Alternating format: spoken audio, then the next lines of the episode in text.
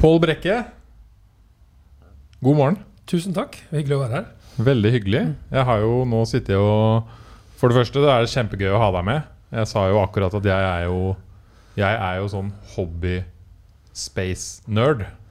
Mens du er jo ekte. Ekte nerd. Ekte space-nerd. ja. Det er jobben min, faktisk. Ikke sant?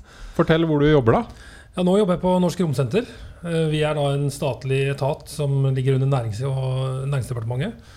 Så mange tror at vi eh, holder til på Andøya eller driver med forskning, men det gjør vi ikke. Vi er altså en slags eh, ja, statens da, ut, ut, lang, lang arm da, ut mot eh, romindustri, ikke minst. Skal hjelpe industrien å få kontrakter inn i den europeiske romorganisasjonen ESA. Og vi finansierer, også litt forskning og utvikling. Da, si. Spennende. Du har jo lest at du hadde Du var utdanna innenfor altså solfysiker. Ja, Det er bakgrunnen min. Så jeg var jo forsker en gang, jeg også. Ja. Eh, Og så har nei, du vært vært i NASA. Ja, nei, jeg tok en doktorgrad på Astrofysisk institutt da, her på Blindern. eh, I 1991 var det vel, ferdig. Eh, så jobbet jeg som forsker da, og med å, å forberede en satellitt som heter Soho. som da ennå flyr opp i rommet, faktisk. Og da hadde vi i Norge ansvaret for å bygge eh, softwaren til et av instrumentene for å analysere disse dataene. Og det, det var jobben min. Og så, når det nærmet seg oppskyting, og denne satellitten ble skutt opp, så hadde vi ansvar også for å styre det instrumentet eh, borte ved NASA-senteret i USA. Og da fikk jeg den jobben med å, å være der borte annenhver måned, da, sånn, sånn vaktskifte, kan du si, og, og jobbet der borte. Og så, etter noen år, da, så fikk jeg den jobben som nestleder for hele prosjektet. da. Det var litt spennende at jeg skulle liksom styre en satellitt til eh, ganske mange milliarder. Så jeg jobbet da på NASA i seks år, da, med, før jeg reiste hjem igjen til Norge i 2004. Men det var en ganske heftig tid. Hva var eh, målet til den Soho-satellitten? Ja, Det var en satellitt som var, skulle se på sola. Og så var det da, kan du si, en, en, en, eh, et enormt stort En stor satellitt. da um, Som hadde tolv instrumenter som skulle se på ulike deler av dette med sola og koblingen med mot jorda. Så den kunne både se inn i sola, den kunne til og med se tvers gjennom sola. Og den kunne se på overflaten, magnetfelt, og den kunne også studere solas atmosfære. Pluss den målte også solvinden, denne strømmen av partikler som kommer ut fra sola. Og hele heliosfæren, som er denne bobla rundt sola, hvor alle planetene ligger inni. Så det var liksom det mest komplette observatoriet noen gang som har skutt opp i rommet, og mest avanserte og største. Eh, og den har også vært oppe i rommet nå i 25 år, faktisk. Eh, og den var egentlig bygd for å vare i seks, da, så dette er Wow. et unikt prosjekt, egentlig. Kan du fortelle noen, eh, noen sånne highlights av hva dere lærte av den? Ja, kanskje det, det, det, Et par ting. da, det er ene At sola var mye mer dynamisk enn vi trodde før. At den, det, ting skjedde mye raskere og, og slike ting. Og den dynamikken er jo det som da lager eh, altså solstormer og romvær og, og nordlys. Men kanskje det aller mest spennende var at man kunne da se inn i sola. Eh, og ja, hvordan kan man gjøre det, tenker man. Det, man Mm. bruker altså lydbølger. Akkurat som vi har kunnskap om jordas indre, så bruker man jordskjelv. Hvordan lydbølgen fra jordskjelv forplanter seg gjennom eh, jorda og ut på den andre siden. eksempel. Fordi at eh, Lydbølgene har altså en, den egenskapen at varierer, hastigheten varierer da med tetthet og, og, og, og slike ting i inni jorda. Så da kan man danne seg et bilde av jorda ved å studere disse lydbølgene, hvordan de kommer ut på den andre siden av jorda eller eh, et annet sted. Og På samme måte så vil lydbølger som forplanter seg allerede inn i sola, de kan man da følge mm, ved å studere på overflaten. Altså overflaten til, til sola som bølger opp og ned, akkurat som bølgene på et hav. Og Da kan man følge den lydbølgen til et annet sted og se hvordan den har beveget seg og blitt forsinket eller går raskere, avhengig av om, om ting strømmer. Da. Så disse forskerne som driver med dette, her, de påstår at de kjenner altså strømningsmønstrene inn i sola bedre enn de kjenner strømningsmønstrene dypt i havet på jorden. Mm. Eh, Men da kunne man også se inn i sola og se hvordan solflekker dannes. Eh, Man kunne se ting som, som skjedde på baksiden av sola før det da roterte rundt.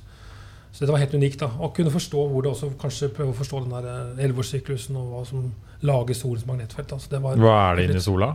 Nei, Det er jo bare en gasskule. Altså, det er jo eh, hydrogen og helium alt sammen. Men uh, den har en kjerne hvor, alt, uh, hvor energien dannes. Og Der er temperaturen ca. 15 millioner grader. Og der er Temperaturen er så høy da, at disse hydrogenatomene fyker rundt så fort at de kolliderer og smelter sammen og kan du si, konverteres til helium. Og i den prosessen da, så, uh, så omdannes vel 700 millioner tonn eller noe sånt noe hydrogen hvert sekund. Og 4 millioner tonn masse går over til lys. Hm. Og det lyset skal jo da prøve å trenge seg ut av sola og bruke kanskje 200 000 år for å nå overflaten. Og så stråler det ut på Hvor lang, hvor lang tid 200 000 år. på å nå overflaten av Ja. sola? Så det lyset vi ser i dag, hvis du går og titter, så det startet altså for 200 000 år siden inne i senteret av sola. Wow. Men når det kommer til overflaten, så kan det stråle ut på 8 minutter og 20 sekunder. Da går det fort unna. ikke sant? Men, eh, så det er liksom prosessene. Og så blir da sola 4 millioner tonn lettere hvert sekund også. da. Mm. Hvor mye veier den? da? Den veier så mye at eh, den vil skinne i fem milliarder år til. Så det er ikke noe krise umiddelbart da, om at den skal slokke. Men eh, den vil jo slokke etter hvert. da. Mm. Ja, det er utrolig fascinerende. Jeg må høre med deg nå, som jeg har det her, som kan mye om sola. For jeg hørte i en podkast at på en måte rett utenfor sola, altså ikke mange, veldig mange meterne eller kilometerne, så er det ikke varmt. For det er ikke noe som holder på varmen. Er det sant? Ja, det, er jo varmt, da. For at, eh, altså, jeg sa jo at temperaturen i kjernen var 15 millioner grader. Mm. Og så synker temperaturen til overflaten, det som, den gule delen som vi kan se, liksom, der hvor alt det synlige lyset kommer fra. Der er det bare 6000 grader. da. Eh, På overflaten. overflaten, ja. Og det er også varmt i, Ja. i vår, vår skala, kan du si.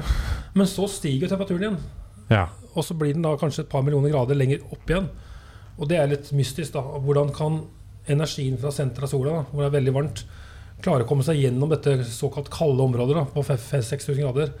Og så blir det varmt igjen ute. Man skulle jo tro at da vil også denne overflaten varmes opp like mye. Er det på overflaten eller liksom en sånn hinne rundt Det sola? det er et lag da, kan du si, på noen par tusen kilometer som er det vi kaller overflaten til sola. Da, Ja. Fotosfæren. Men analogien er da hvis du sitter på hytta sant, og så sitter du foran peisen, så er det veldig varmt nær flammene. Og hvis du flytter deg vekk fra flammene, så blir det jo kaldere og kaldere. Og hvis du da plutselig begynte å bli varmere og varmere igjen på den andre siden av rommet, så vil du lure på hvordan klarer flammen der borte å varme opp denne delen av rommet uten å varme opp lufta i midten. Mm. Men det er det sola på en eller annen måte klarer. Og det er jo den, et av de mysteriene vi prøver å løse. Så Altså, det veit vi ikke ennå. Nei. Vi har noen, noen, noen eh, spor, da, eller sånne ideer. Da, og det er at det kan være lydbølger som, som dannes da nede i sola under overflaten. Og de forplanter seg da gjennom overflaten kan du si, og ut i atmosfæren. Og Det er litt av det samme som bølger. da, som de eh, kommer inn mot en strand eller en grunne. Og Hvis det blir grunnere, så begynner de å reise opp, og så bryter de. Mm. Da dumper de kan si, energien sin der pga. den grunnen at det, det var noe fysisk da, som ble forandret. Og det samme kan man tenke seg at disse lydbølgene kan, kan passere overflaten uten at det dumper energien der, men de dumper energien der hvor tettheten blir veldig lav, f.eks. F.eks. på vår planet. da Ja, det er, men det, det er for langt unna. Men, at- langt men unna, de dumper altså energien da i koronaen, da, som er den varme opp atmosfæren. Ja. Og så er en annen eh, idé er at det er magnetisk da, kobling, at magnetfelt kobler seg sammen og frigjør energi på den måten. Da. Eh, På, på godt engelsk heter det altså magnetic reconnection. Eh, Men man har ikke klart å observere terrenget, ikke sant? så man vet ikke helt sikkert. Da. Og Derfor så er det jo enda spennende å forske på sola. Mm. Veldig. Og så leste jeg jo kort i stad at vi har, og jeg har hørt det før òg, og du skrev det, vi har 200 milliarder stjerner i vår galakse. Ja, det er eh, ganske enormt. Når vi kikker opp på stjernehimmelen, så kan vi kanskje bare se ca. 1000 stjerner. Det er det vi klarer å se med det blotte øyet. Hvis, særlig hvis man er altså på fjellet, så ser man jo mange flere stjerner. Men typisk da kanskje et par tusen stjerner kan du se fra jordas overflate. Men det er altså som sagt eh, 200 milliarder andre stjerner i vår Melkevei-galakse. Og så er det jo et par hundre milliarder andre galakser også, så det er jo et enormt å ta av. Det er man, så eh, sinnssykt å ja. tenke på. og det er jo sånt, eh, altså Hubble, Romteleskop Hubble har jo tatt et veldig berømt bilde eh, hvor de har zoomet inn da på kan si, det mørkeste mørkeste området på himmelen, hvor det ikke er noen stjerner i vår galakse, men for å se ut da, i, i det store universet. Og Der stirret de da i elleve dager for å få en lang eksponering for å få nok lys da, til å se hva som var der ute. Så de så på himmelen, fant det mørkeste stedet. Ja, altså Mellom alle stjernene, for å liksom Mhm. ikke få se på stjernene i vår galakse, men se utenfor. da. Og i det lille mørke området der, som, og det området er like stort som et riskorn, hvis du holder det på en armlengdes avstand, da, så er det en sånn bitte liten firkant som er altså mye mindre enn månen, for å si det sånn. Og i det ene bildet, eh, som er blitt veldig berømt, da, så klarte de å telle 11 000 galakser. Bare den lille firkanten der. Og da skjønner du at det er veldig mange galakser rundt på hele himmelen. Altså. Det, er, eh, det er bare ufattelig mange. Hva, hva tenker du når du sitter og tenker på den på måte størrelsen av universet og sånn? Man kan jo kanskje få vondt i hodet, men eh, ja.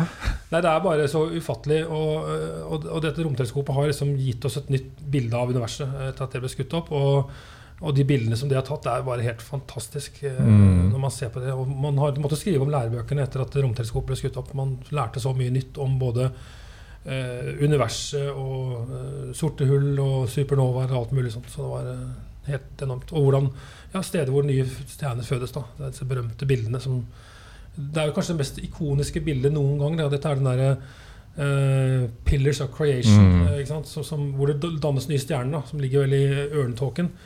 Eh, det er et ikonisk bilde som ble tatt eh, ganske tidlig av eh, Hubble. Så har de tatt et nytt bilde for noen år siden. For de har byttet ut kameraene, akkurat som vi bytter mobiltelefon for å få bedre mobilkamera. Så har man også gjort det på Hubble, og da har man tatt et enda bedre bilde nå nylig, som viser også Man kan se gjennom den tåken. Men ja, det er bare Det er så gøy å vise fram disse bildene når man er ute og snakker om, om verdensrommet. Mm. Hva heter det kjente bildet igjen? Eh, Pillars of Creation. Ja, det. men det hvor de tok bilde av det sorte Og det sorte området det heter det? Hubble Deep Field View. Er Ja, det vel det kalles, stemmer. Og det, det er også et ikonisk bilde da, som, som du finner på nettet veldig lett. Og det er, eh, ja, det, er, det er nesten utrolig å tenke seg at det er så mange galakser bare i den lille firkanten. Jeg satt faktisk og så med samboeren min her om dagen en YouTube-video om det. Og hun bare 'Hvorfor har du ikke det hengende på rommet?' Nei. Jeg bare Nei, det er veldig godt poeng. Ja, Hvorfor har jeg ikke det hengende på rommet? ja. Skulle lagd en sånn svær plakat. Altså, og det kan man jo faktisk laste ned. De, de har lagt Ja. disse bildene i veldig høy oppløsning på Hubbles hjemmeside. Og der kan man bruke det som, som skjermbakgrunn på skjermen sin, eller eh, ja, printer det på veggen. Mm. Men Hubble, var det rundt 1988 eller 89 eller rundt der det ble skutt opp? Eh, 1990. 90, Så jeg har vært oppe i ja, Nei, men jeg har vært oppe nå i ja, Det blir jo da 30 år, eh, omtrent. Eh, men det var jo like før det ble en katastrofe. Eh, når Hubble ble skutt opp, så satt man og ventet spent på de første bildene fra Hubble.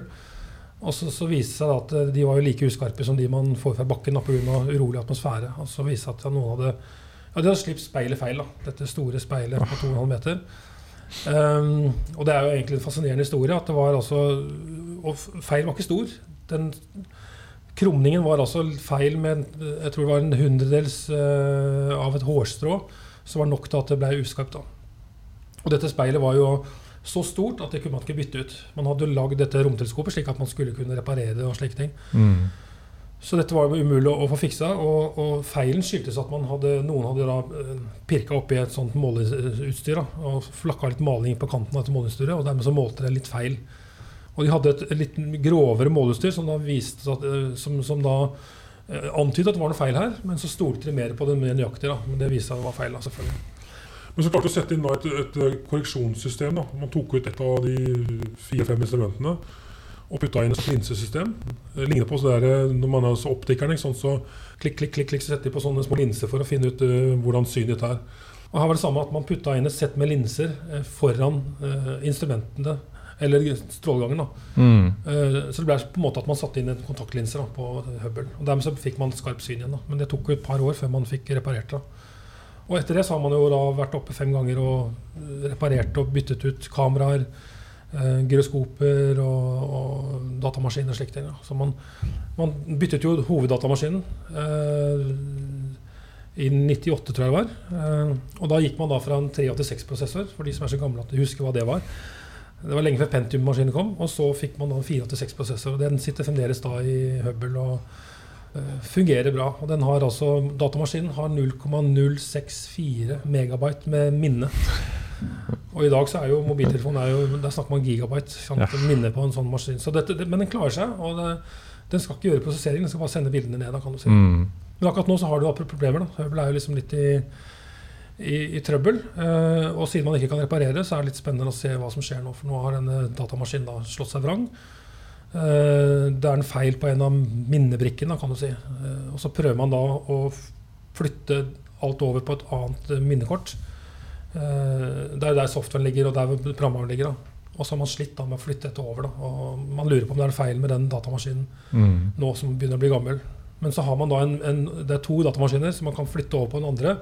Og der har man også slitt litt da med for å flytte det over. Da. Så nå er det litt sånn spenning der ute om man får reparert det. For ikke så er Hubble død, da, kan du si.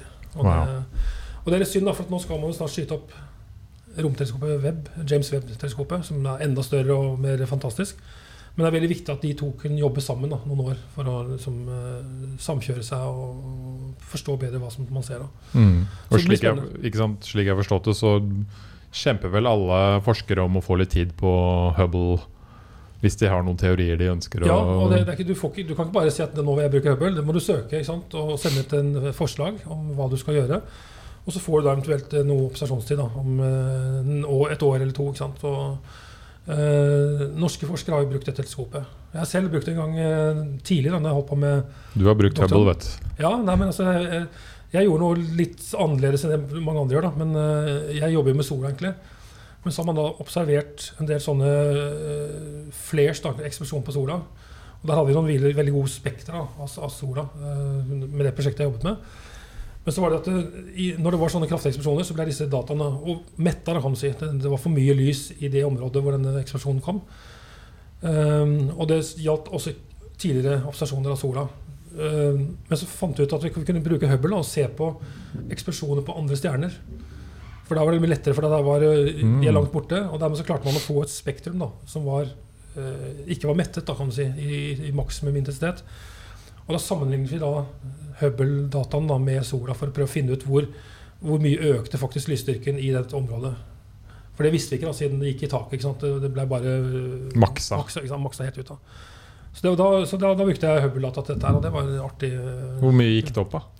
Nei, Det var snakk om uh, flere tusen ganger altså, i det området. Da. Så det var veldig kraftig. da. Og det var første gang noen klarte å gjøre et estimat på dette her ved å også inn da, med spektra fra Hubble. Da. At vi kobla stjerner mot sol på den måten. da. Mm. Men nå er det jo norske forskere som, er, eh, som jobber med Hubble. Og så er det også en norsk forsker som nå har fått observasjonstid på James Webb når den skal opp. da. Så De gleder seg veldig selvfølgelig til den skal skytes opp. Når skal den skytes opp, da?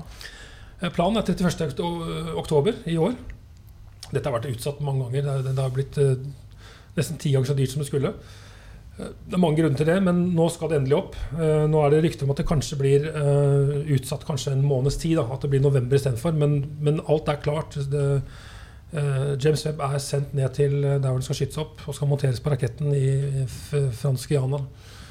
Eh, Der hvor ESA skyter opp alle sine raketter. Så dette er jo et samarbeidsprosjekt måte mellom ESA og NASA. Selv om NASA har bygget dette her, så bidrar ESA på den måten at de eh, betaler for oppskytingen da, med Ariane-rakettene.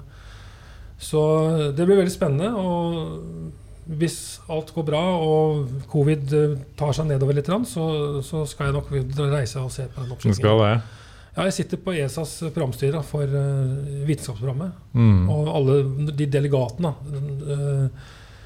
fra alle de ulike landene blir ofte invitert ned på sånne oppskytinger. Da. Så da får vi reise ned dit og svare på det. og Det er litt spennende. Hva er eh, Forklar litt om den James Webb. For jeg, jeg har jo sett litt, men jeg vil gjerne høre du si det isteden.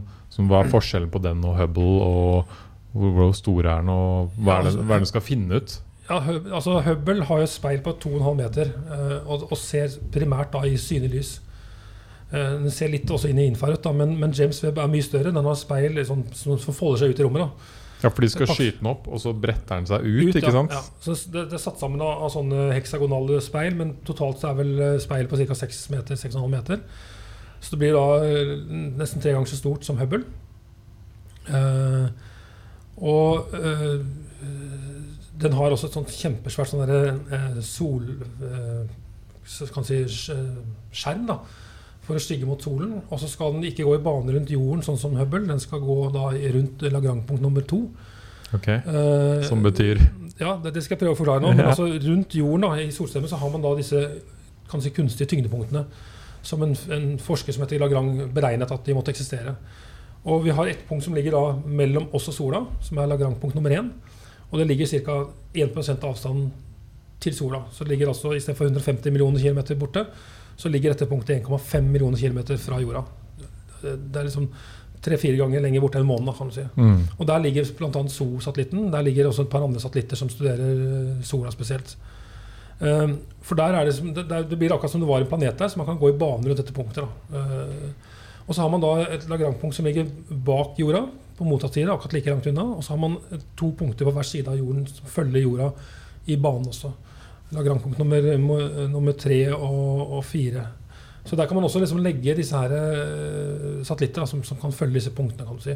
Og James Webb kan da gå på baksiden av jorda. og Grunnen til det er at da slipper man å uh, få sol, så mye sollys på seg. Man kan se rett ut i rommet. Um, men da har den store skjermen som skal skjerme den, sånn at det ikke blir varmt. For der, man må ha superkalde eh, CCD-kamera. da, i dette her greiene. For mm. skal, James Webb skal altså se mer i infrarødt. Eh, og Fordelen med det å se infrarødt er at du kan se gjennom støv. Eh, disse strålene går, så Da kan man se inn i disse tåkene som Hubble har laget så fine bilder av. Da kan man også se inn i disse, så man kan se hva som foregår inni disse tåkene. og slike ting. Så det er altså en mye høyere oppløsning, kan se mye lenger ut i rommet og kan da se infrarødt, som gjør at man får et eh, annet syn på universet. Utrolig spennende. Hva håper du man kommer til å lære av da? Ja, kanskje det, det mest spennende er vel det at man skal bruke det til å se på disse eksoplanetene som man Ja. eh, har funnet med Ikke med Hubble, men man har eh, ja, Både fra jorden, men man har hatt et teleskop som heter Kepler, som var oppe i en del år. Eh, og det satt og stirret da på et sett med stjerner for å se om lysintensiteten varierte. For den mest vanlige måten å finne eksoplaneter på er å se om det går en planet foran stjerna. Og, og da vil lyset svekkes litt. Grann. Eh, og da vil man få en dipp i lyskurven til en stjerne. Eh, og da, da, da tyder det på at det er en planet som har passert foran. Og det samme ser vi også på her fra jorda. Så ser vi da noen ganger at Merkur og Venus passerer foran sola.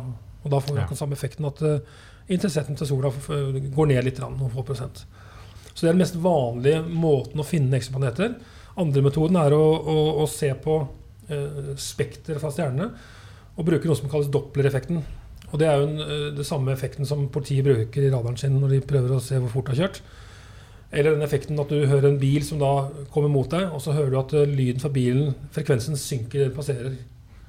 Mm. Så går den ned, ikke sant? Og det er jo Doppler-effekten at når, når lydkilden kommer mot deg, så trykkes uh, lydbølgene sammen pga. at den har hastighet. Og når den passerer vekk fra deg, så strekkes lydbølgene ut. da, Mm. For den kilden beveger seg fort. Så den effekten bruker man da til å se på om en stjerne flytter seg litt fram og tilbake. For det vil den gjøre hvis det er planeter som svinger rundt. da. Sola også går litt fram og tilbake pga. at Jupiter og Saturn spesielt trekker litt på sola. altså. Så ser Man ser ikke selve planeten. Men man ser effekten av de at de Ja. fram og tilbake. Men det er jo en, en liten sånn, eh, liksom sånn kjip ting da med den der transittmetoden. 70% av alle eksoplanetene som vi har funnet, eh, som er litt over 4000, de er blitt funnet av med denne transittmetoden. Um, men det betyr at vi kan bare se de stjernene som da ligger hvor planetene går i samme plan som oss. Ja. Men hvis stjerna da tiltar tilta den veien, og planetene går sånn, så vil de jo aldri gå foran stjerna. Så vi kan bare, Med denne teknikken så kan vi bare se en, en viss prosentandel av de som kan ha planeter. Da.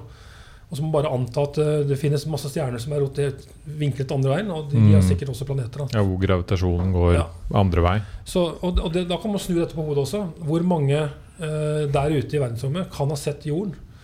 Og det er noe som har regner på da, At hvor mange stjerner innenfor et, et, 1000 lysår da, kan ha sett oss.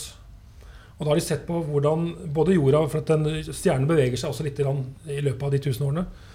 Eh, men også Det er jo bare de som da bor i, i, planetplanet vårt, da, kan du si, som vil kunne sett at jorda eller Jupiter går foran sola vår. Mm. De som er der oppe, de vil alltid kunne se det, for da går vi rundt som en sånn plastbil. ikke sant? Så det, det, begrenser da hvor mange andre solsystemer som kan ha oppdaget oss. Det litt sånn artig mm, motsatt vei, da, kan du si. Mm. Ja, Eh, fordi hvis man, For de som hører og ikke ser hendene dine Ja. Hvis man ser for seg vårt solsystem, så er det jo nesten som en sånn plate Ja. hvor alt snurrer rundt hverandre. riktig, Ja. Og da må du se det fra riktig vinkel. Ja, du må se liksom nesten fra samme planet som eh, platespilleren ligger i. ikke sant? Ja. Men ser du på den rett ovenfra, så vil du, selvfølgelig er du nærmest, vil du se at planeter går rundt der. Men hvis du er langt unna, så vil du aldri kunne oppdage de. For dette stjernas lys vil aldri svekkes av de planetene. Mm. Så det er sånn eh, litt artig sånn eh, betraktninger av hvordan uh, man leter etter planetene. Men så tilbake da til, til Hubble og James Webb, er at når man har funnet en sånn planet, eller et, et, en stjerne med planeter, så ønsker man jo å finne ut uh, hvor uh, langt unna stjernen er den. Det er viktig å finne ut. Og hvis du da er for langt unna eller for nærme, så er det enten for varmt eller for kaldt. For liv. For liv. Ja. Det er det man håper å finne. Ikke? Yes. Mens hvis de er akkurat samme avstand, eller passe avstand, da, slik at eh, det ikke er for varmt, ikke for kaldt, da kan man anta at det også kan være vann der. Og vann er liksom det viktigste ja, eh, grunnlag for liv, da, sånn som vi kjenner til. Og jorda ligger jo selvfølgelig akkurat i riktig avstand i vårt solsystem. Mens på Mars og de andre så er det jo enten for varmt eller kaldt. Mm. Så det ønsker man å finne ut. Og, og så bruker man da Hubble annet, til å ta spektra, altså øh, splitte opp lyset i alle fargene, øh, for å se hva som finnes av øh, stoffer i atmosfæren. Eh, Et spektrograf er egentlig blir, Du kan tenke deg prisme også. Regnbuen er jo da at eh, lyset splittes da i ulike farger. Eh, og det er sånn vi måler hva som er på sola eller stjerner. At vi kan få disse fingeravtrykkene til, til gassene som, som vises som sånne spektrallinjer i et spektrum. Eh, og det er det samme på, man bruker på på en måte et spekter av farger, da. Ja. Og ut ifra det kan du hente informasjon om hva som eventuelt finnes på den Ja. planeten etter hvert. Riktig, for hvert element, da, f.eks. oksygen, vil gi, hvis det er oksygen på sola, så vil det gi seg utslag at, det- at det er sånne eh, intensitetstopper. Eller det kan også bli sånn at farve forsvinner, for at lyset har gått gjennom den gassen. Og da, vet vi, da er det oksygen der. Vi vet fra, fra jordens laboratorieforsøk at uh, oksygen har disse signaturene her. Nordlys for eksempel, har også disse, akkurat disse fargene. ikke sant? Eh, og alle som har vært på flyplassen, de vet at når du har tatt ut en sånn sikkerhetskontroll, så tar de sånn liten sånn svamp på hendene dine eller på kofferten din, og så putter de inn i en liten maskin. Og da vil den maskinen analysere det stoffet som er fra hendene dine eller fra, fra kofferten din, og, og gi da et spektrum. Og da kan man den være tuna slik at den vil gi en alarm hvis du f.eks. har vært i kontakt med narkotika eller sprengstoff. For det er spesielle spektrallinjer som da dukker opp. Og da Mm. kjenner den igjen det. Det er det den maskinen gjør. Hvis den piper da, så er du ute å kjøre, selvfølgelig. Men det er også en, en spektroskopi-analysemaskin, kan du si. Det er derfor alle på flyet til Amsterdam sitter og skjelver litt.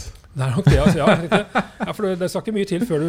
Du, kan, du kan vel nok at du kanskje bare har vært innom en uh, kaffesjapp eller noe, sant? Så, så kan det sitte i klærne dine. Og det vil da kunne gi utslag på, på sin tid. Ja, men det er da hvordan man bruker spekter for å analysere eh, stoffer da, som er langt borte i dette tilfellet, som ikke kan eh, sende noe å måle med fysisk. Mm. Og James Webb, hvor mye nærmere og mer kan den se av eksoplaneter enn det vi har kunnet sett i dag?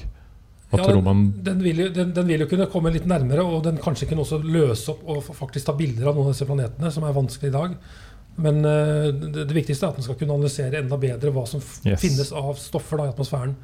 For Hvis du da finner en planet eh, som da ligger i riktig avstand, og at det f.eks. er eh, ja, eh, effekten på for av, av bilkjøring, sånn at CO2 i atmosfæren, så kanskje måler den CO2, da, for å ta et eksempel, eller noe annet som tyder på at her er det faktisk eh, noen som lager noe kunstig.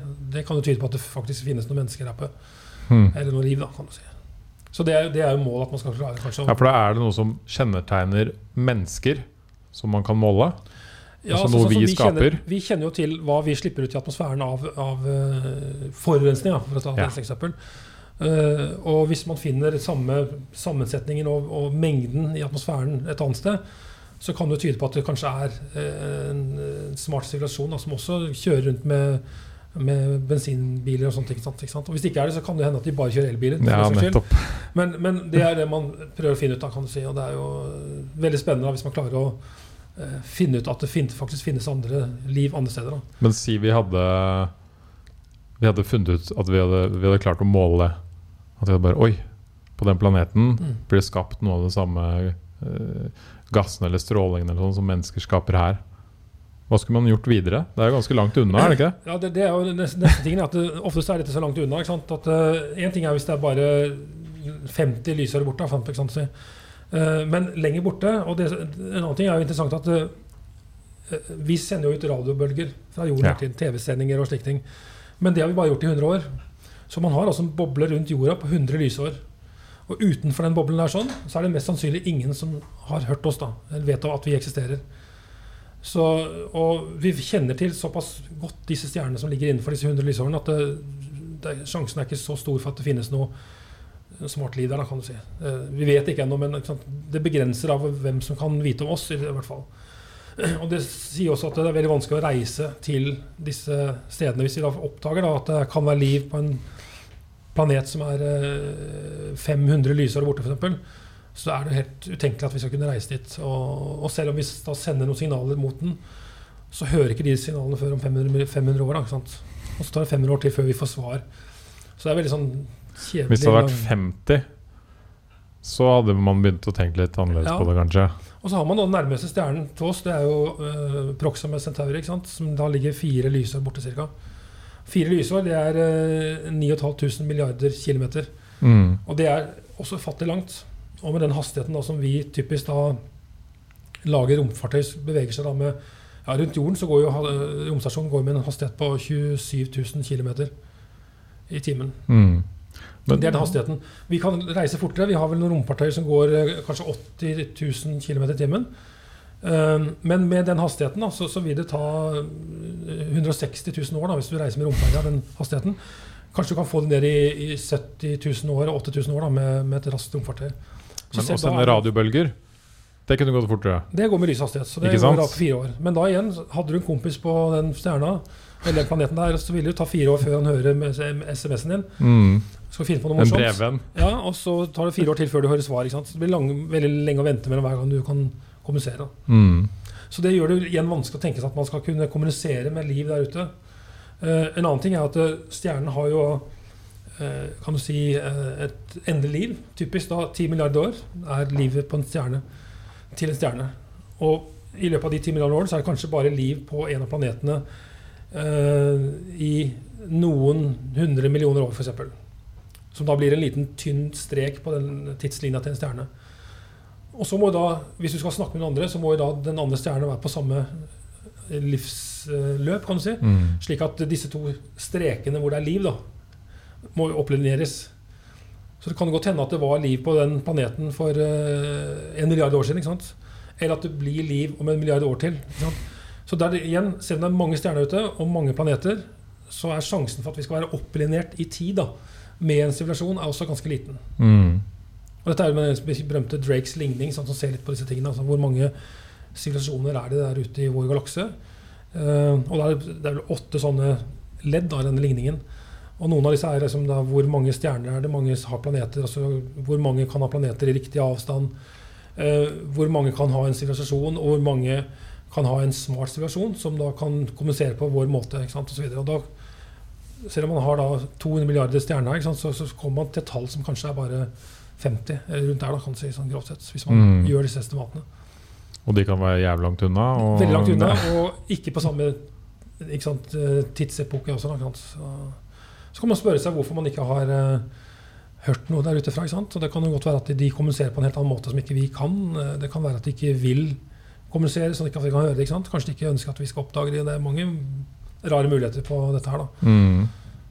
Og så er det jo vår samtidig ehm, teknologiske utvikling som kanskje ikke har kommet langt nok. da, Vår forståelse av hvordan vi kanskje en gang i framtiden kan kommunisere, eller Ja, det, altså vi, vi lever ut fra våre fysiske antakelser, sånn hvordan vår verden ser ut. Sant? Men det kan godt være at andre har kommet lenger eller har utviklet seg på en annen måte. Og de har en helt annen måte å tenke på og, og, og lage ting. mm. Uh, vi er litt låst fast i den fysikken som vi kjenner, kan du si, og de begrensninger den fysikken har. Det med å reise raskt. Ikke sant? For oss der så er lysets hastighet det, det maksimale du kan oppnå. Ikke sant? Men hvem vet? Kanskje det er andre som har funnet på noe mer smart eh, Mm. enn det. da. Det er jo lyset. Det kan være det er noe annet.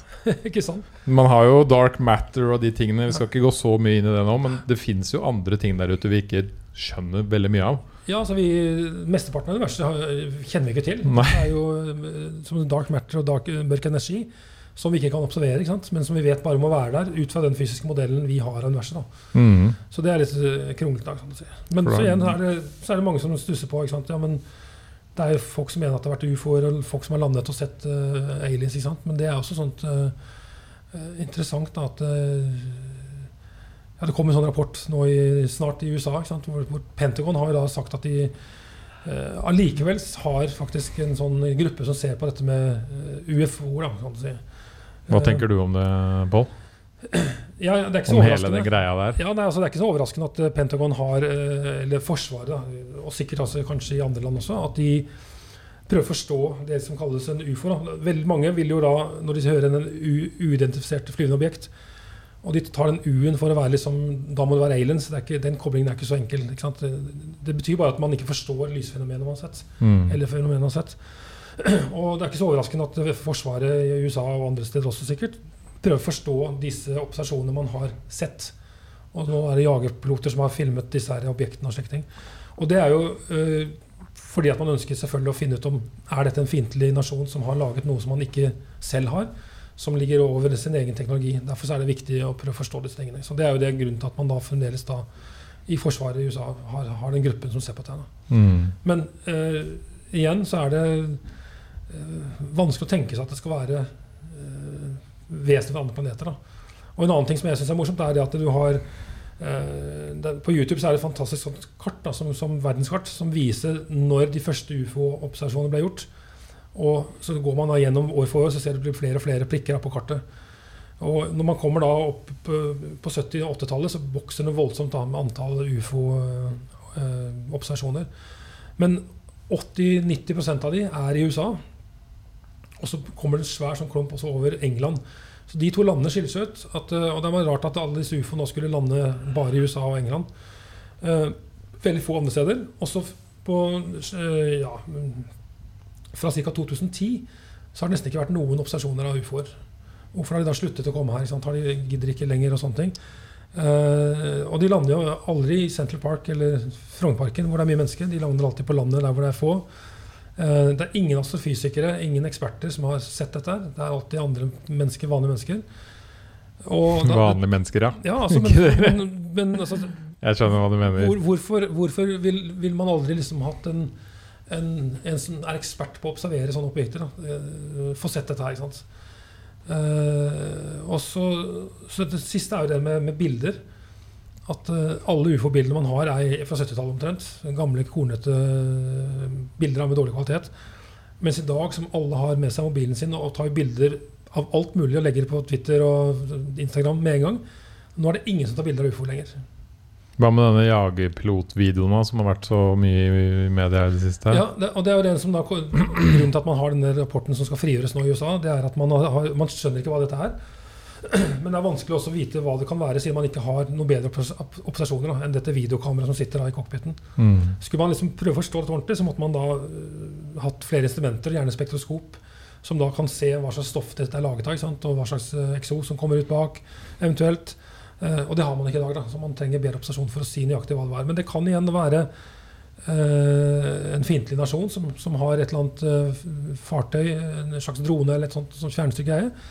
Eller det kan være kanskje det er en hemmelig gruppe innenfor forsvaret i USA som har laget noe som ikke er offentlig kjent. Så det er mange muligheter for hva det kan være, altså, men det er umulig å si ut fra de dataene man ser. Mm. Men i hvert fall så er det vanskelig å tenke seg at det har vært noen fremmede vesener her på jorden. Når man tenker på både avstanden de skal reise, og at vi kan trekke selv en liten golfball som kommer gjennom atmosfæren, vil da oppdages av radarene vi har på jorden. Og de radarene Radaren er jo i utgangspunktet laget for å overvåke fiendtlige missiler fra andre land, men brukes nå også til å overvåke det vi kaller romsøppel, alle disse partiklene og gjenstandene som fyker rundt i rommet rundt jorda, som er en ska- fare for satellitter og romstasjoner. Så det, det er vanskelig å tenke seg at de skal komme seg gjennom uten at noen oppdager det. Selv om Mm. man selvfølgelig kan tenke seg stelt eh, romfartøy og slike ting. Ja, for det er jo det de sier i disse rapportene, at de har helt andre type Men selv om man har en, en, en, et stelt romkvarter da, som ikke kan ses på en radar, så må de uansett komme seg inn i atmosfæren. mm. Og da vil det bli veldig varmt. Det er jo det som man ser meteoritter og romferja og, og disse det de, de, de, de gløder jo. Det blir et par tusen grader varmt på varmeskjold. Så, så den biten klarer man ikke å gjemme seg unna. Selv om selve romfartøyet da skulle kan si, være usynlig for radarer, så vil man oppdage den eh, varmestreken da, kan si, som, som når de farer gjennom atmosfæren vår. Så det, ja, det, er, Mm. det er vanskelig å tenke seg I forhold til det vi vet i dag, da. Selvfølgelig. De, de kan igjen ha eh, noen smarte teknikker, da, men eh, ja. Tenk hvis det hadde kommet ut, da. ja absolutt. At de har et uh, romfartøy uh, gjemt en eller annen sted i USA. Ja, og det er jo dette gamle Roswell-mysteriet. Yes. Det er jo en, en video som viser at de har funnet en rom, romvesen da, som de driver og, og undersøker.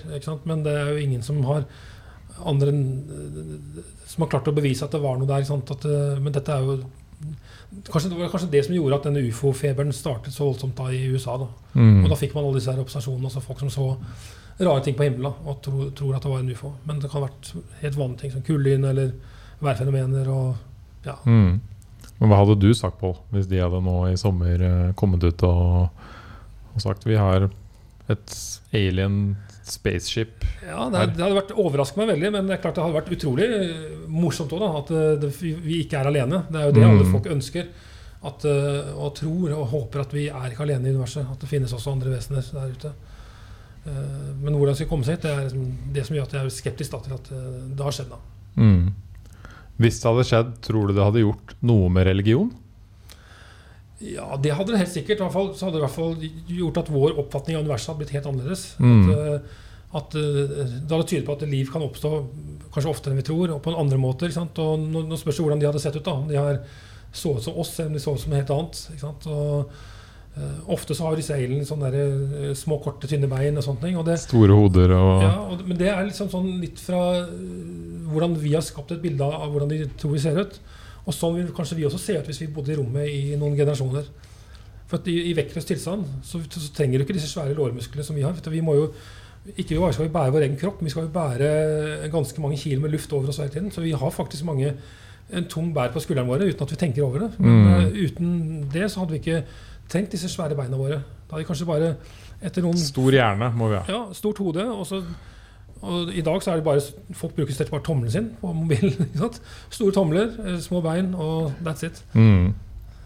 Ja, ja, men så på en måte langt fram, så kan man sikkert connecte hjernen med maskinen og Hele den Wifi-overføring. ikke sant? Du, bare, du går ikke på skolen lenger, du bare laster opp en eh, sjette klasse, syvende klasse mm. pensum. Så har du det. Ja, for det er et interessant spørsmål jeg har hørt eh, flere for så vidt snakke om på YouTube og i podcaster. Hvor, hvordan tror man ville aliens på en annen planet sett ut som oss? Mm. Nei, det, det er vanskelig å si, altså, men eh, jeg tror vi har skapt det bildet selv. At eh, eh, det starter sånn, og nå er fremdeles da, hvis det er en alien, så har de liksom litt annen kroppsform, da, store hoder og ja. Mm. Eller hvordan vil vi se ut om 1000 år? Hvis vi lever. Ja, det er også ting. Og særlig hvis vi reiser til andre planeter. og På, på, på, på, Mars eksempel, så er det jo litt lavere gravitasjon. Eh, Hvordan vil menneskene utvikle seg der i, etter mange generasjoner? Igjen så vil vi kanskje se litt annerledes ut og gjøre andre ting. Så. Mm. Og den, eh, fordi det var en, ja, en del av det James Webb skal finne ut, er jo dette med eksoplaneter. Og så skal det vel også se på starten av universet, Ja. skal du ikke det? Jeg prøver å se liksom helt tilbake til uh, the big bang. Um, I dag så klarer vi jo ikke å se helt tilbake. Uh, vi, ikke sant? vi kommer ikke uh, vi, kommer liksom, vi mangler de siste 300 000 årene noe, av, av universets dannelse, kan du si. Så vi, der er det ikke gjennomsiktig heller, så det er vanskelig å trenge igjen. Da. Men, men James Webb skal liksom se enda lenger tilbake i tid enn Hubble har klart. For det er jo det at Når du ser lenger ut i rommet, jo lenger tilbake i tid ser man også. Ja. For lyset tar lang tid å reise. Man ser jo da 13,6 eller 7 milliarder lysår tilbake i tid. Eh, det er liksom kanten av universet, sånn som vi tenker oss, da, kan du si, eller alle på universitetet. Mm. universet. Så, eh, det er fascinerende, det er så stort, og det er vanskelig når man prøver å forklare det. Og, ja, Det er foredrag, så er det sinnssykt. disse YouTube-videoene med Hubble, sant, hvor de bare zoomer inn på det fjerneste fjerneste. Det er eh, enormt altså, hva, hva man ser der ute. Mm. Ja, og så er sitter vi, bitte lille vi, inne i en liten galakse igjen, som et lite punkt. da. Mm. Eh, Jeg har jo snakka litt med venner om Hvis du hadde fått muligheten og tatt en pille som, hvor du kunne levd 1000 år, hadde du gjort det?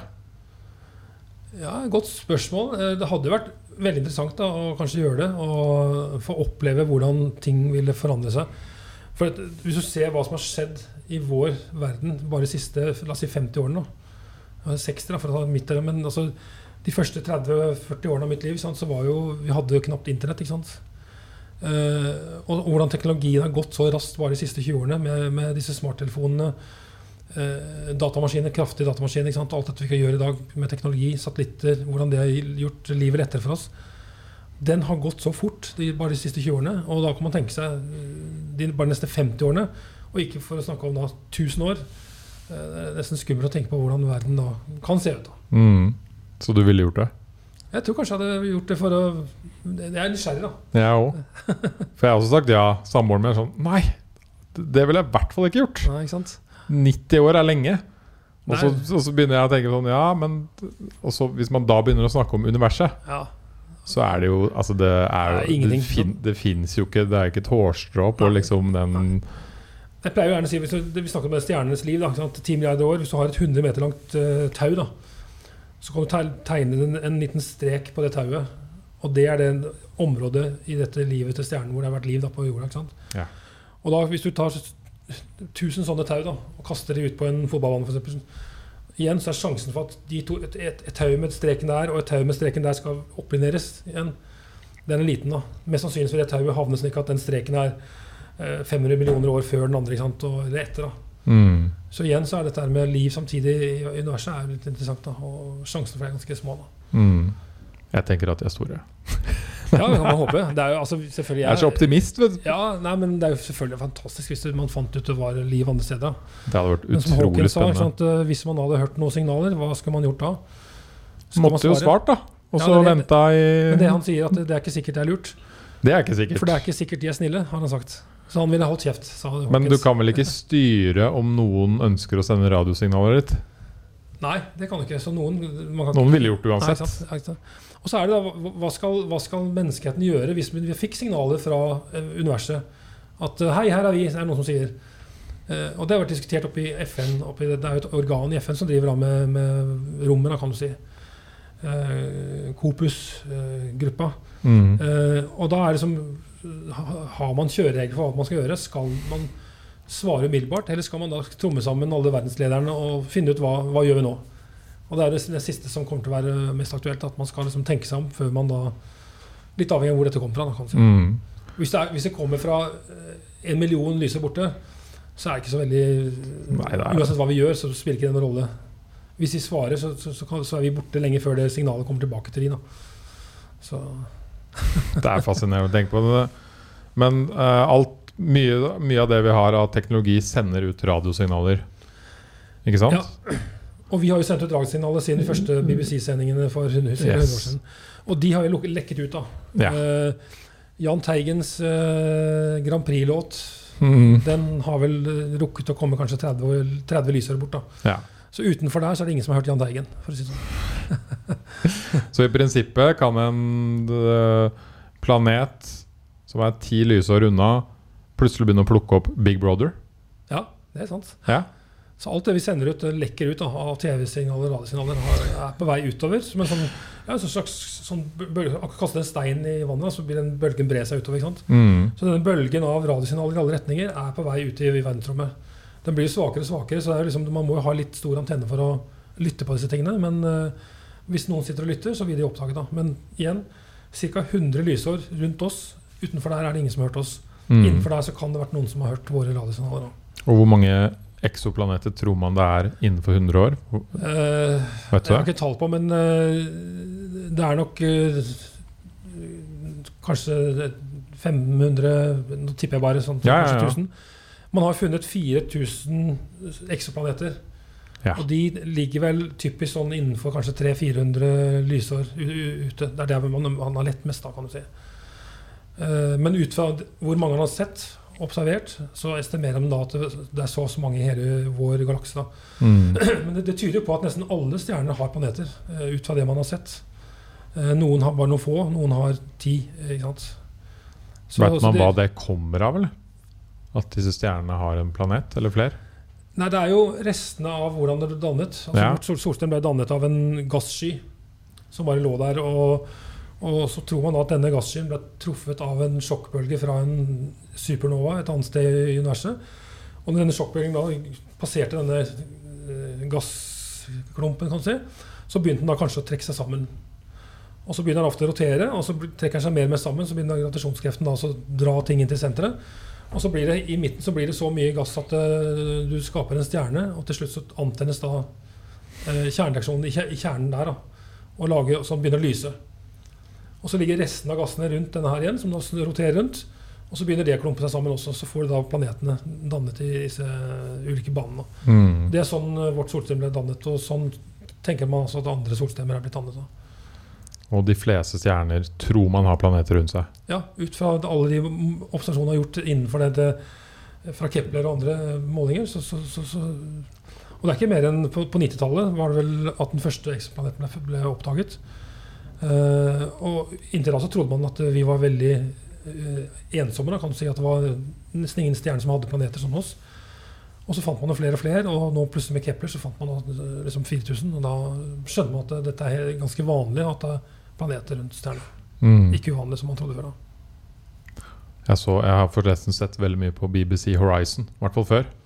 De, har mange Mm. gode dokumentarer om universet og for så vidt livet. Men uh, Hva var det jeg skulle si? Uh, hva er det du ser på, eller eh, hvordan Ser du f.eks. på science fiction? Jeg ser ikke så mye på science fiction. Jeg har aldri vært så fascinert av det som mange andre og mange av mine venner. Da. Jeg vet ikke hvorfor, men kanskje pga. at jeg jobber med det jeg jobber med. Men uh, jeg ser absolutt på, på BBC og andre sånne dokumentarer om verdensrommet. Uh, Discovery Channel har også veldig mange fine serier. Og det syns jeg er fascinerende hvordan man klarer å få dette her uh, presentert på den måten. Da. Så jeg har vært så Mm. heldig at jeg har vært med i noe av disse selv. Da. Og Du har det. Sola og nordlyset så har jeg vært intervjuet av både Discovery Channel og, og, og BBC og australske TV-dokumentarer og slike ting. Så det, og da har det ofte vært å forklare eh, både med nordlys og hvordan det dannes, men jeg er også med en gang når, når det var et sånn spiralformet fenomen på himmelen i Nord-Norge. Som, ja. som folk trodde var en ufo, selvfølgelig. Eh, men det viser at det var altså Og vi var de første som, som gikk raskt ut og sa at dette mest sannsynlig var en, en rakett som det hadde skjedd noe feil med. Som da rakettmotoren hadde begynt å brenne feil, og så spant den av gårde. Og det var jo da en, en russisk eh, missil da, som er skutt opp fra en ubåt i Kvitsjøen. Mm. Eh, som var årsaken til dette her. Eh, mens det var jo mange andre ting som, som kom opp i media, sant, og folk trodde det var helt andre ting. da. Mm.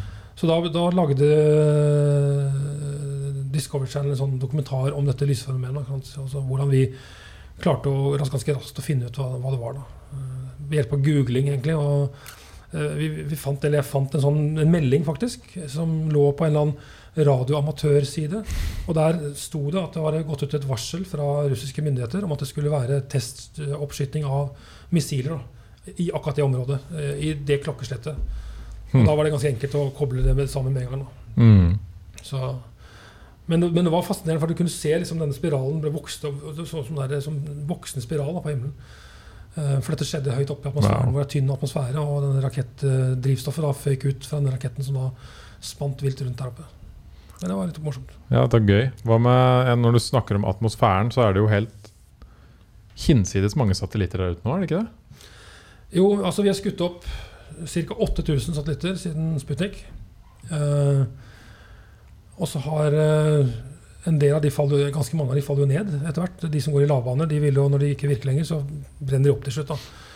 Eh, men det er vel eh, kanskje en 4000-5000 satellitter som svever rundt der oppe nå.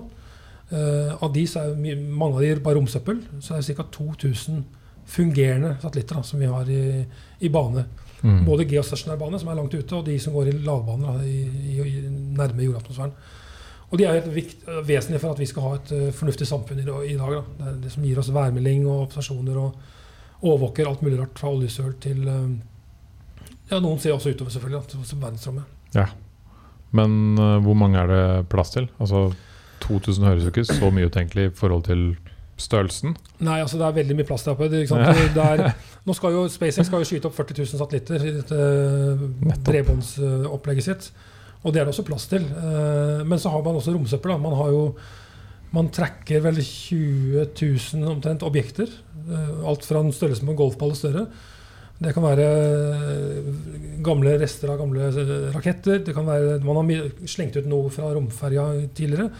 Noen solpaneler fra Hubble bl.a. Mista noe verktøy, så det er noen skrutrekker og diverse ting oppe. Så alt dette gjør at det er vanskelig å, å, å altså Det kan være farlig for andre å få dette her i huet, kan du si. Ja, for det går i en enorm, enorm fart. Ja, det er det, ikke sant? At uh, Hastigheten på dette er jo 27 000 km i timen. Og selv en liten skrue da vil jo ha så mye moment at den vil gå tvers gjennom en satellitt eller romstasjonen. Mm. Uh, uh, jeg har sett et bilde eh, av frontruta på romferja som ble truffet av en malingflak. Og den lagde altså en sånn en, en centimeter dyp grop da, i, i frontruta. Selv et malingflak med den hastigheten blir som en geværkule her på jorda. Med den hastigheten. Så det gjør at det er, man må passe på at det ikke blir for mye romsøppel. Uh, uh, for det skaper problemer. da. Man regner med at det er kanskje 700 000 små bitrapper da, i rommet. Men det er bare 20 000 man kan trekke og spore kan du si, ved Mm. Så det er litt farlig å være oppe på Space Station. Ja, de kan bli truffet, og de kan jo heldigvis flytte seg. Da. Så de, flytter, de har en, sånn, eh, en boks på et par kilometer rundt eh, romstasjonen. Sånn at når de, de har jo beregning på alle disse, dette romskrotet som er stort nok til å trekkes. Hvis en av disse bitene da har, vil komme innenfor denne boksen, eh, så flytter man romstasjonen opp eller ned eh, med disse rakettmotorene. For å unngå slike ting. da. Og vi har jo selv eh, fire satellitter oppe i Norge, disse AIS-satellittene som måler skipstrafikk og slike ting. Og vi, når vi da eier satellitter, så får vi meldinger på romsenteret bl.a. at uh, om, innen 24 timer så vil det være en, et objekt som passerer så og så nærme vår satellitt. da. Og og man har vært innenfor sant, kanskje 30-40-50 meter unna vår satellitt. da. Så kollisjoner kan skje, og det har skjedd. Og da vil du få masse nye biter. da. Hvis noe kolliderer i rommet, så blir det en skur av nye partikler. Så det er et problem at romskrot er et problem, og nå er det kommet nye krav til at man skal kunne eh, dra ned satellittene sine etterpå. Når, man ikke har eh, mer, når den ikke virker lenger, så skal man kunne eh, ha en liten rakettmotor, bare en liten dyse egentlig, og, og bremse opp hastigheten slik at de detter ned og brenner opp. da, Slik at det ikke blir problemer for senere satellitter. da. For, Kan man etter hvert prøve å rydde noe av det som er der oppe, eller er det for komplisert? Nei, Man har allerede startet og testet og gjort noen forsøk. Og, men da snakker man om å hente ned satellitter eh, eh, som, som da ikke virker lenger. Da. da setter man opp en ny liten, liten satellitt som da beveger seg mot den andre satellitten. Og så har man prøvd både å bruke en harpun som skyter en harpun sant, i den og fått fanget den på den måten. Man har også hatt, brukt et nett som man slynger ut og fanger en satellitt. Eller man kan koble seg direkte til da, og dra den ned. Mm. For den nye satellitten som går opp da, den kan da få tak i den andre satellitten, og så kan den bremse hastigheten, slik at de da begynner å miste høyde og brenner opp. Og, og man, Da kan man brenne opp der hvor man ønsker. Sånn at hvis noen av delene overlever, så vil de dette ned i havet. For. Mm. så det har det vært tre-fire forsøk på. Og det er firmaer nå som, kommersielle firmaer som da satser litt på dette med å, å rense romsøppel. da. Ja, for det er spennende. Hva tenker du om liksom privat sektor oppi, oppi her? Ja, Det er jo kjempespennende. og det er jo... Sånn som SpaceX space- og- ja, ja. SpaceX er jo et veldig godt eksempel. Eh, SpaceX og Boeing er de som har kommet lengst når det gjelder dette med kommersialisering i rommet. kan du si. Men begge to har jo fått veldig mye drahjelp av NASA. De har fått penger av NASA for å gjøre dette. her. Det er jo de som skal sende opp eh, mennesker til månen igjen. Uh, og det er jo SpaceX som har tatt over frakten av mennesker opp til romstasjonen igjen.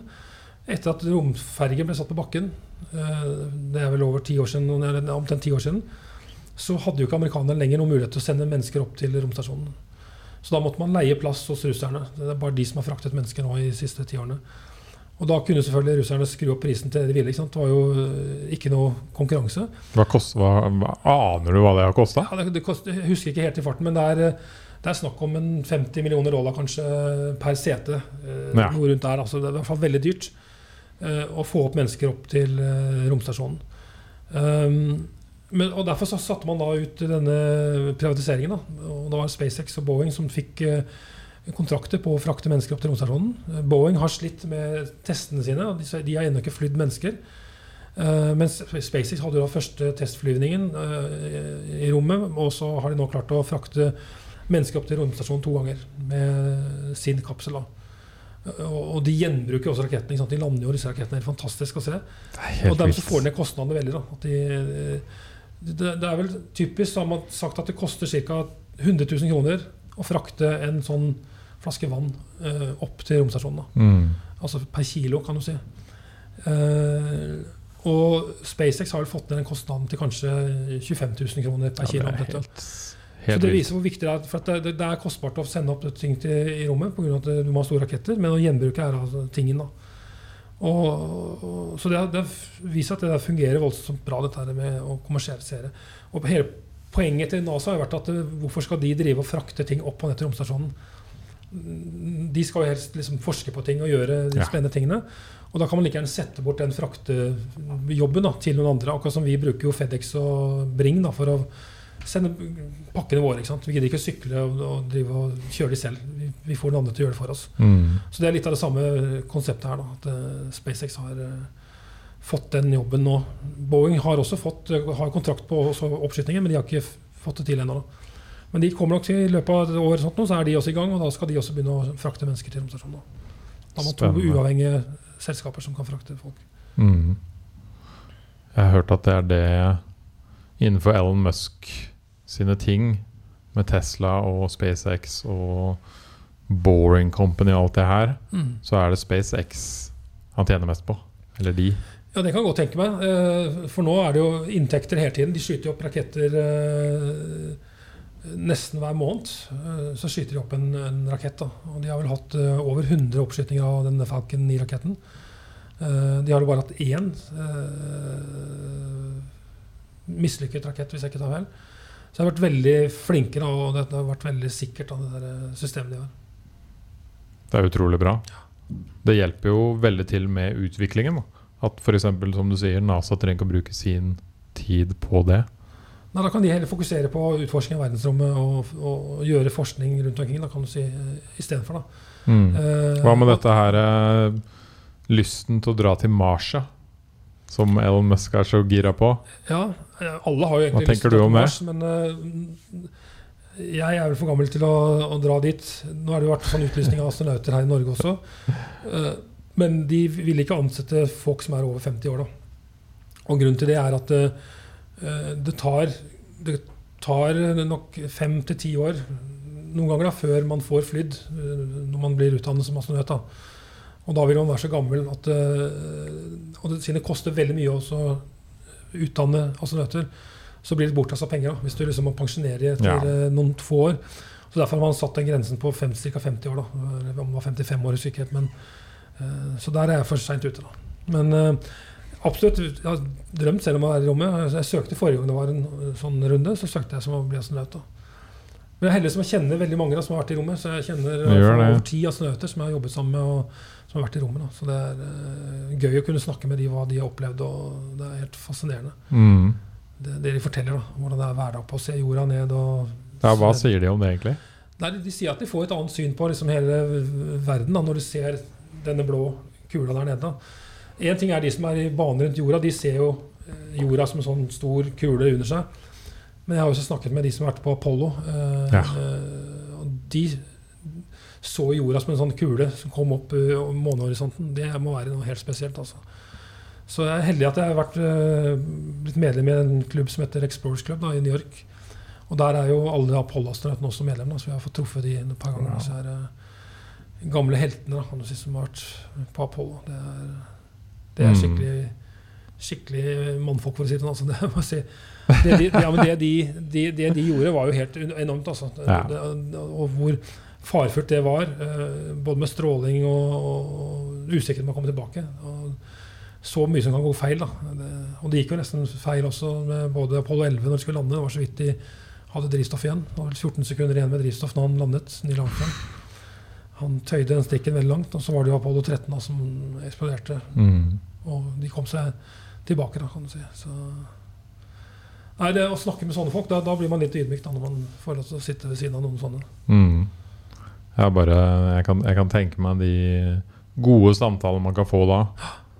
Ja, Det som er, det, som er litt fint med den der eh, klubben, da, kan du si at det er et, eh, alle er liksom like sant? Eh, De sier ofte at hvis du setter deg ned i, i loungen eller baren der, og så setter det seg en fyr ved siden av seg, og hvis han sier han har vært på månen, så har han antakeligvis vært der. Mm. ikke sant? Men, da, men, men det som er fint, er at de er jo like interessert i hva du driver med. ikke sant? Eh, så det er mer en sånn, helt sånn samtale mellom to venner, da, på en måte. Ikke sånn at det, det er ja, det- er litt spesielt da, å, kunne snakke med folk på, på det like fot. Da, selv om de er jo selvfølgelig superrømte og har vært med på Mm. ufattelige ting. Da. Så, så syns jeg det er gøy å høre hva vi driver med da, som vanlige folk. Mm. Bare driver med nordlys og sola. Ikke sant? Det er kult, det òg. Ja, det er kjempespennende. Det er, jeg har jo en eh, hobby som, som jobben min, da, kan du si. Det er jo utrolig spennende. Mm. Hva med nordlys? Hva er det som er så fascinerende med det? Ja, grunnen til at jeg ble fascinert av det, var vel da jeg var liten en gang på Sørlandet. Så var det nordlys langt sør. Det skjer jo av og til. At uh, Faren min dro meg ut da på kvelden og sa at nå var det nordlys, og vi så på dette her. Men senere, da jeg begynte å studere sola selv, da, kan si, så, så ble jeg fascinert av at de prosessene på sola kan lage det nordlyset. At det faktisk er en kobling mellom jorda og, og, og sola. At når du ser nordlyset, så har det skjedd noe på sola noen dager før. Mm. Det syns jeg var veldig fascinerende. Uh, og, og det er det vi kaller romvær, egentlig. At det, det sola gjør, har en effekt på, på jorda på mange måter. På teknologien vår og slike ting. Mens nordlyset er liksom manifestasjonen på at det, det er noe som skjer oppe. Uh, og hvis man har sett kraftig nordlys, så blir man ganske fascinert. Altså. Det Mm. er så mystisk og magisk. og selv nå har jeg sett det så mange ganger, og jeg reiser jo mye opp til Nord-Norge og underviser også på Svalbard da, om nordlys. Eh, hver gang jeg ser dette, så blir jeg liksom Jeg syns det er fantastisk å se på. Og ikke minst hvis du da har med deg noen venner som aldri har sett det før, og kan stå der og forklare hva dette er for noe. Og, og, og denne blafringen, det er jo rett og slett at jordens magnetfelt blir dytta på av sola. Det er solvinden som da dytter på jordens magnetfelt. Det er det som lager disse bølgeformene og bevegelsene. Eh, Så det syns jeg er helt fascinerende. Og så er det en, en jeg tror En av grunnene til at eh, mange syns nordlyset er fascinerende, er også det er at det har en, en lang eh, mystisk sånn historie. da. At I tusenvis av år så visste man ikke hva det var. ikke sant? Og det var Christian Birkeland, den norske forskeren, som, som klarte å løse den gåten da, for litt over 100 år siden. Men før det så var det veldig mange myter rundt nordlyset. at det var knytta til døden, og at det var ånder som prøvde å snakke med oss her nede på jorda. og slike ting. Men Birkeland klarte å løse det. Han lagde dette eksperimentet sitt, den Terella-boksen, og klarte å bevise dette. her. Selv om ingen trodde på han heller i begynnelsen, så fikk han da rett til slutt. Mm. Veldig fascinerende. Man må I de tidene her hvor vi ser så mye ned i skjermen, så må man huske å se litt opp òg. Ja, og, og det syns jeg er fascinerende. Å sitte bare og se på stjernehimmelen. Så det hender da på, på Lyngør, da, hvor jeg er, eh, har sommerhus. Uh, der er det ganske mørkt. Problemet i byene er at man har jo mindre Yes. eh, sikt da, kan du si, til stjernene. For at det, det legger seg sånn kan si, grått eh, lag med eh, det Luftmassene reflekterer mye av bylyset da, kan du si, ned igjen. Slik at himmelen blir ikke svart. Men er du på fjellet eller på sjøen, så ser man jo mange flere stjerner. Men det å kunne sette seg ned, legge seg ned i en sånn solseng f.eks., bare ta på seg gode, varme klær eller teppe, og bare ligge og se opp på stjernehimmelen, er fascinerende. Altså. Og Da kan du se liksom Melkeveien går over himmelen, og man ser hele tiden satellitter som glir over himmelen. I, i, løpet av, ja, I løpet av fem minutter så vil du se ofte en fire-fem-seks satellitter som, som glir over himmelen. Mm. Det syns jeg er fascinerende. Bare helt stille og rolig. Så det er eh, Men det er jo snakk om det, dette her med at eh, man, eh, man Byene vokser og vokser. Man bruker mer og mer lys sant, i verden. Så det er mange som er bekymret for at, at dagens ungdom aldri får oppleve den mørke stjernehimmelen. Den som vi kanskje så mer når vi var små. Eh, Så det er litt bekymring. da. At, Mm. eh, Og det er, det er vel en sånn, eh, satt i gang et sånt prosjekt da, som heter Bevar nattehimmelen. Hvor man prøver å, å, å få kommuner og byer da, til å forandre måten man har gatelys på. At man skal ha skjermere så at de lyser bare ned istedenfor at de lyser opp i alle kanter. Yes. Eh, bytte ut til et annet type lys, noe LED-lys som kanskje og, som har en, et, lysspekter da, som er mindre uh, lysforurensende, kan man si. Og få litt mørkere himmel igjen. Så det er initiativ til å få til sånne ting. Da. Og det har vært spennende å få til. Da. Mm. Det er veldig bra. Det er jo kjempeirriterende uansett å bo i en leilighet og få gatelyset inn i soverommet. Ja, absolutt. Og, og det samme gjelder nordlyset. Hvis du skal se nordlys, hvis det er varslet nordlys. altså Nordlys er det at det, Normalt sett så ligger nordlyset mellom Norge og Svalbard. Og så trekker det av og til ned mot eh, Eller ofte ned mot Nord-Norge. Og litt sjeldnere så kommer det ned også over Sør-Norge, hvis det er veldig kraftig utbrudd på sola. Og når det er varslet nordlys, eller du har disse appene som har varslet at i kveld så blir det store muligheter for nordlys i Sør-Norge, så nytter det ikke å sitte midt i bygryta her i Oslo eller utafor også på, på Røa hvor jeg bor. da. Eh, Det er vanskelig å se nordlys der pga. at gatelysene gjør at himmelen er ikke svart. Mm. Så, og Da må du komme deg litt ut av byen. Dra inn i Sørkedalen eller Maridalen og et eller annet sted som er lite gatelys. da. Ute på et jorde eksempel, hjelper sant? langt vekk fra, fra gatelysene. Uh, og den beste testen er jo bare å kikke opp. Og hvis du bare så vidt ser de sterkeste stjernene, du kan bare så vidt skimte Karlsvogna, da er det for lyst kan du si, til at du kan se nordlys også. Ja. Uh, Men hvis du kommer til et mørkt sted hvor du kan kikke opp og du ser plutselig alle de svake stjernene også, da vet du at det her er det fint sted også å stå og se nordlys. Mm. Så ja. Mørkt sted er veldig viktig, da, kan du si. Og, og så er det godt for sent, jeg. Og så kommet til et mørkt sted og se stjernen. Og, ja, man og glemmer ta det litt. dette her med Ja, Når du ser Melkeveien, så ser du da plutselig er, er en del av den der galaksen vi bor i, ikke sant? og hvor det er 200 milliarder stjerner. Det er bare å tenke, det er jo litt fascinerende når du kikker opp. Mm. Jeg husker jeg var i, i bushen i Sør-Afrika øh, og bodde i telt. Og det bare det er jo kjempegøy, fordi du hører jo dyr og lyder og alt mulig Mm. hele natta. Men der var det ikke noe. Altså sånn lysstøy, da. Og da fikk man jo virkelig se Melkeveien og stjerna. Altså det var nesten det var sånn der, Man ble helt skjelven av å stå der ute, ikke sant? Ja, nei, det er helt utrolig. Og det, jeg tror folk skal, i hvert fall de som har hytte på fjellet og sånt, da, øh, tenker kanskje ikke på det, men der bør man gå ut. For det, det er ofte så mørkt at man ser stjerner på en helt annen måte. Altså. Mm. Eller på sjøen, er sjøen, da, eller ut på båt, så er det også fantastisk. da. Så hvis man skal også oppleve nordlys, så er det også en fin måte å se nordlys på, er jo å, å, å ta Hurtigruten. Som Ja. går fra Bergen til Kirkenes opp og ned.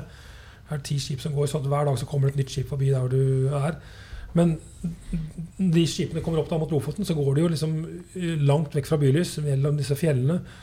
Og da ser du helt fantastisk nordlys. da. Ja. Og de skrur av lyset på båten, sånn at det blir helt mørkt. Eh, og kapteinen følger med. altså De varsler eh, over høyttaleren når det er nordlys også. da. Og du kan bestille vekking på rommet. ikke sant? Hvis du har lagt deg, så kan du få telefonen til å ringe. Og så kan du løpe ut i pysjamas og boblejakka for å se på nordlys. Så kan du løpe inn igjen. Men det er fascinerende og en veldig fin måte å oppleve nordlys på langt vekk fra byen. kan du si. Mm. Utrolig kult. Og når man har ligget og sett på stjernehimmelen en time eller to, så kan man jo også teste de eh, Altså, det fins jo sykt kule apper på, som du kan sjekke ut på iPaden din, f.eks. Ja, og det, det er fascinerende. Det, det, når Første gang jeg så en sånn app, syntes jeg var helt jøss, hvordan klarer den å få til det? Men det er bare snakk om å starte appen, så kan du holde den opp eh, mot et objekt, så vil den fortelle deg hvilket objekt det er. da, kan du si, og Mm. se på stjernehimmelen. Så du kan jo både bruke til å øh, vise andre hva som er på stjernehimmelen, eller du kan jo jukse sant, og se på den først, og så kan du etterpå brife om at ja, det er den stjernen og det er den stjernen. sant, Og tror du at du kan mye om stjernehimmelen, men veldig nyttig verktøy da, å, å se. Og så er det et veldig fint program som heter Stellarium, som du kan øh, kjøre på, laste ned eller kjøre på webversjon også. på på øh, Mac eller PC. øh, Stellarium.org. øh, Gratis programpakke. Og den vil da vise deg hvordan stjernehimmelen ser ut akkurat når du starter maskinen. Hvis du er midt på Mm. dagen, så, så ser du bare sola står på himmelen. Og så kan du dra deg rundt i alle himmelretninger. Du kan skru av vegetasjonen, og du kan se ned under bakken hvis du vil, men du ser da horisonten typisk. da. Ah, Og da kan du spole deg fram til kvelden, eh, eksempel, og se hvilken stjerne vil du se, hvilken planet det er på stjernehimmelen i kveld. Og så kan du la den tikke og gå, da, så, så ser du stjernen rotere langsomt over. Eh, du speeder opp tiden på den. da. Og så kan du zoome inn på f.eks. Jupiter. Og da kan du se nøyaktig hvor, hvor det står månene rundt Jupiter, disse galileiske månene. ikke sant? Og så kan du spole et fra og kan du se hvordan de forandrer seg i løpet av natten. Eller til neste dag så kan du se at de roterer faktisk ganske mye bare i løpet av en dag. da. Mm. Men det er utrolig artig også. Og og du kan til og med spole fram til bursdagen din. For eksempel, hva er det jeg kan se da? For eksempel. Eller tilbake i tid, da, hvis det var et eller annet du husker du så. Utrolig nyttig, morsomt uh, prat. Ja, det er veldig gøy å kunne bruke teknologien til sånne ting òg. Mm. Mm. Men en siste ting. Du driver jo også med noe som heter Astrorock. Ja, det er Du, ba meg jo, du sendte meg noen linker du, og ba meg jekke en pils og sette meg ned og kose meg. Ja, eh, det var egentlig et, eh, et opplegg jeg lagde for skoleelever først. da. Jeg ble jo ofte si, hyra inn for å snakke om verdensrommet til elever. Og, og særlig når du kommer da på gymnaset. Og når du får inn vikar, så benytter de fleste elevene seg til å legge seg ned og lukke øynene og sove. Mm. Og det er litt irriterende som du holder foredrag og halve klassen sover. tenkte jeg, Dette må jeg gjøre noe med. Så da tenkte jeg hvordan kan jeg få de til å holde seg våkne? Og da var det jo eh, For jeg hadde allerede en del videofilmer da, i foredragene mine. Eh, det var koblet musikk. da, Spille litt høy musikk samtidig, for da må de jo våkne. Og så begynte jeg å tenke litt at eh, jo, fader ulland, nesten alle disse klassiske rockestjernene er blitt inspirert av verdensrommet. Og så gikk jeg mer i detalj, og så fant jeg liksom nesten, ja, Pink Floyd, ikke sant, første albumet de lagde. Eh, Der er jo tittellåta 'Astronomy the Mind'. De synger om å reise mellom planetene. Elton sto igjen med 'Rocketman'. Man'. David Bowie sto igjen med 'Space Odyssey', osv. osv. R.E.M. ble jo mest berømt for 'Man on the Moon'. Så da satte jeg meg sammen et show da, hvor jeg går gjennom rockehistorien, på en måte, men samtidig er koblet til verdensrommet. Så hver artist så spiller jeg da en video. Jeg forteller litt om bandet og den låta, og så forteller jeg litt om da Introdusere f.eks. eksoplaneter, da, for å ta et eksempel. Uh, og da bruker jeg Queen da, som et sånt eksempel. Vi har en, en låt som heter 39, uh, og den handler om en mann som reiser av eh, med lys hastighet ut. da, eh, og, og lengter tilbake til eh, vennene sine. Og vet at når han kommer tilbake, så treffer han barnebarna sine. Eh, Så den handler jo om, om å reise tids, tidsreiser kan si, og tidsdilasjon og Einsteins realitetsteori. Det er ikke mange Mm. sanger som handler om det. da. Nei. Og i tillegg så er jo gitaristen i Queen Han var jo, har jo en doktorgrad i eh, astrofysikk. Han jobbet jo med astrofysikk når Queen ble populære. Så måtte han velge enten musikk eller fag, og så valgte han musikk. da. Men i 2008 var det vel, så gjorde han ferdig doktorgraden sin og underviser nå i astrofysikk ved London University. Mm. Så det er mange sånne morsomme historier hvor han, eh, som, som jeg kan koble dette sammen. Så du lærer veldig mye om rockemusikk, og du lærer veldig mye om verdensrommet i de ulike låtene. Og For å ta et eksempel til, det er jo Cathy Melua, som jeg syns er morsomt. Da. Hun har jo den derre 'Nine Billion Bicycles in Beijing'. Eh, der, I andre verset så synger hun da at vi er 12.7 billion light years from the edge, synger hun. Og det var det en, en, eh, en vitenskapsjournalist i eh, England som da tok opp for at han sa at dette var feil. Det er 13,7 som er riktig tallet, som jeg nevnte tidligere. Um, og det som skjedde da var at Katin Villua ble intervjuet av dette her i studio i BBC en gang. Og så tok hun og, og spilte da eh, i studio gitar og, og sang en ny versjon. da, hvor man rettet dette her. Og, og så la inn dette at det var jo innenfor usikkerheter og, og Det er morsomt. Yes. Så den versjonen er fantastisk å høre den der versjonen som ikke er gitt ut noe sted, men som finnes da i et arkiv i BBC da, som jeg bruker i showet mitt. Og det syns jeg er litt morsomt. Da, Kult. At eh, selv musikere kan lære nye ting, da. Mm. Det er jo for så vidt rock i Rocket Scientist, så det er jo litt Ja, morsomt. det er, det er, jo ikke sant? Så, den, den, den tar skal jeg ta. Mm, veldig gøy. Men det er veldig morsomt å se hvordan folk da trives. da på en måte Både høre bra musikk og Nå holder jeg mye for eh, alt fra industri da, til uh, firmaer da, som skal ha et eller annet seminar. Og så avslutte med dette her rett før middag, sant? folk får seg en kald øl og Kult.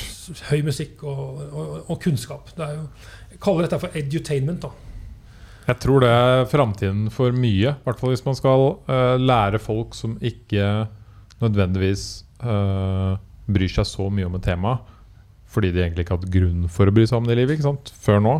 Eller har lyst til å lære noen noe helt nytt eh, på en fascinerende måte hvor de skal sitte igjen med noe. Vi har jo alle vært på konferanser og hørt tale etter tale etter tale og bare Man blir sliten. ikke sant? Ja, du blir sliten. Og så blir man, får man liksom en sånn boost da når man hører dette her. For at eh, De fleste klarer ikke å sitte stille. De syns dette er dritkult. Og, og, og så er det så fascinerende filmer. Jeg har plukka ut veldig gode sånne animasjoner. Da, filmer fra NASA og ESA. Så, så du får en visuell eh, opplevelse, musikkopplevelse og ikke minst kunnskap. da, Som du sitter igjen med og har lært veldig mye om verdensrommet. Eh, Mm. Om Apollo og ja, sola, alt mulig. Nordlyset. Det, det, alt, jeg dekker liksom hele spekteret. si. Kult. Det kan man google. Astrorock, tipper jeg. Ja, det ligger vel en sånn trailer på eh, Vimeo og, og YouTube også, og, og dette her. Men eh, det, er, det er utrolig fascinerende. Og det ligger vel noe på NRK også. Noen innslag der sånn på radio. Mm. Og hvis Pentagon deler noe spennende i sommer, så kommer du tilbake hit, Pål. Det skal jeg gjøre. Ja. Veldig kult. For de som vil lese mer om, uh, om Pål, så er det egentlig bare å google Pål Brekke. Da kommer det opp Wikipedia og dine sosiale kanaler og alt mulig. Og Astrorock. Uh, kjempegøy. Hvis noen vil uh, f.eks. booke deg til å gjøre det. Det kommer gjerne. Det er veldig spennende. Og det, jeg skal love at det, det blir eh, Liv i leiren. Ja, men det var mye trøkk. Og visuelt. Kult. Tusen takk for besøket, Pål. Bare hyggelig.